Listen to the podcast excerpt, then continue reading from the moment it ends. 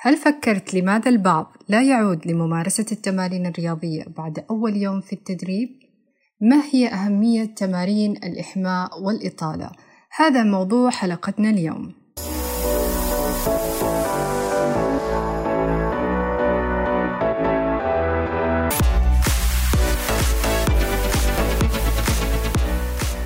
في تمرين نشارك المعرفة وكل ما يساعدك على التدرب والاستعداد الجيد. هنا نركز على بناء الوعي لأن المعرفة دائما ما تسبق التمرين نبحث عن أفضل الطرق والتقنيات لتبقى بصحة جيدة وأكثر إنتاجية في كل حلقة أناقش معكم أفضل قراءاتي وتجاربي للعوامل الخمس التي تعزز من قدراتك وهي الحركة، العلاج، التغذية، التفكير والنوم.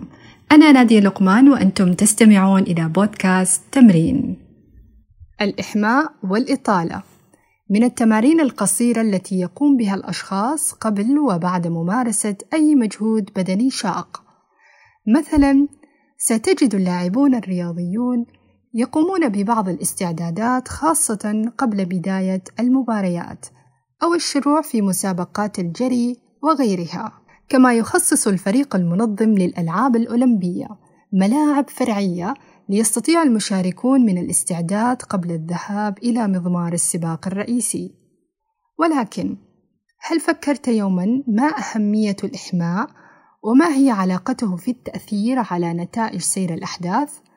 ولماذا قد يعرضك الاندفاع لبدء تمرين مجهد دون الإحماء الجيد إلى الكثير من المشكلات؟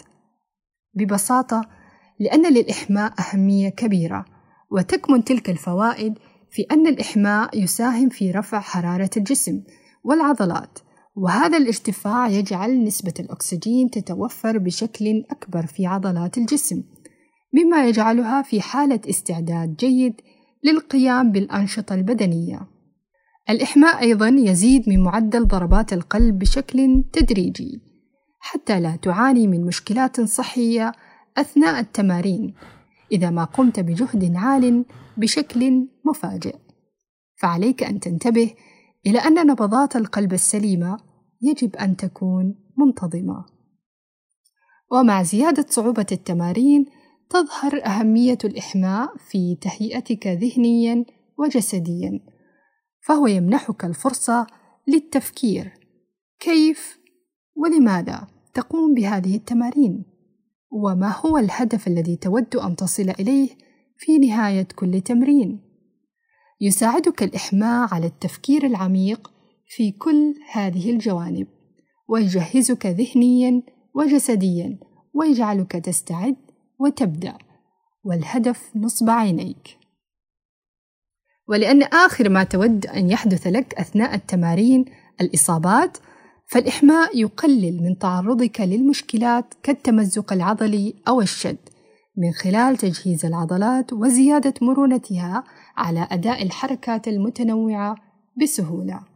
الجفاف أيضًا أحد العوامل المسببة لحدوث التشنجات العضلية، لذا ينصح بشرب السوائل على فترات مختلفة، وتعتمد كمية ما تحتاجه من الماء على مستوى نشاطك ووزنك وحالة الطقس في مدينتك. كما تختلف الكمية بين الرجل والمرأة. ويظهر دور الماء في كونه أحد العوامل التي تساعد في انقباض العضلات واسترخائها، وإبقاء الخلايا العضلية رطبة دائمًا، وأقل عرضة للمشكلات. لذا اشرب الماء بكميات محددة قبل وأثناء وبعد الانتهاء من ممارسة النشاط الرياضي. جورج هود حامل الرقم القياسي كأطول مدة في تمرين البلانك لفئة الرجال والذي حقق رقما عالميا قياسيا المسجل بثمان ساعات وخمسة عشر دقيقة دون توقف وهو بعمر الستين عاما. ما هو سر نجاحه؟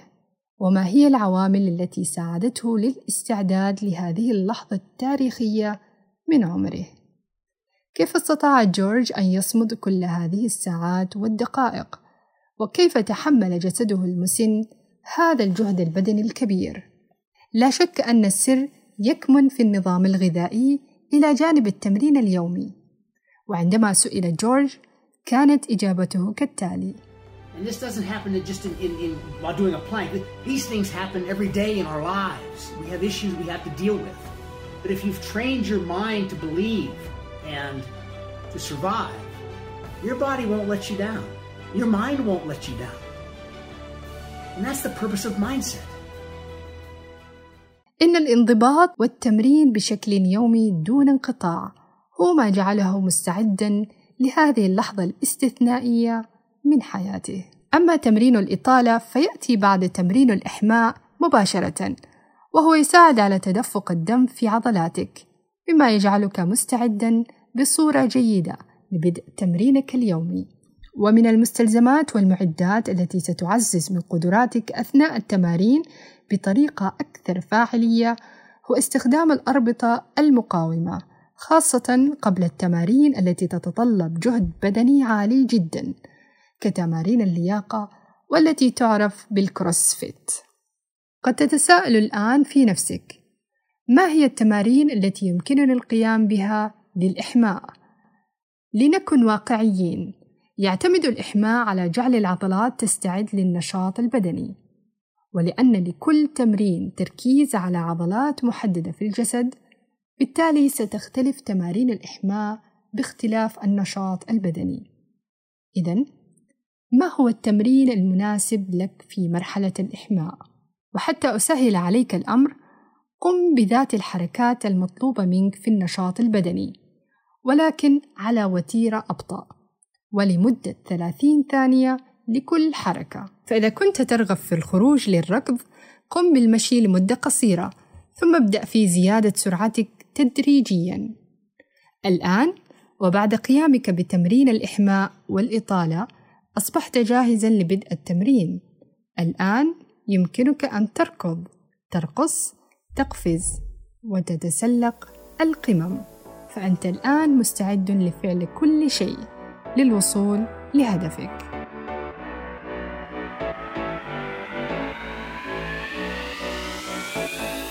إذا استمتعت بالحلقة. ساعدنا نوصل المعرفة لأشخاص أكثر من خلال نشرك وتقييمك للبودكاست. دعمك يحفزنا للاستمرار وإنتاج حلقات أكثر. ويمكنك طرح الأسئلة والمواضيع لمناقشتها في حلقاتنا عبر بريد تمرين. يهمنا معرفة أكثر معلومة استفدت منها في حلقة اليوم عبر حسابنا على تويتر وإنستغرام. وإذا كانت هذه أول حلقة تستمع لها اضغط على زر الاشتراك لتكون أول المستمعين لحلقاتنا القادمة. وفي نهاية الحلقة أود مشاركتكم باقتباس لجاري بيلر الذي يقول أن معظم الأشخاص يبدأون السباق بسرعة ولكن القليل منهم فقط ينهونه بقوة. نعم الجميع يندفع بقوة عند بدء تحدي جديد. ولكن الأهم أن تتعلم كل ما يجعلك أفضل وأكثر استعدادًا لتكمل سباقات الحياة بقوة وكفاءة. كان هذا تمرين نلتقيكم في حلقات جديدة.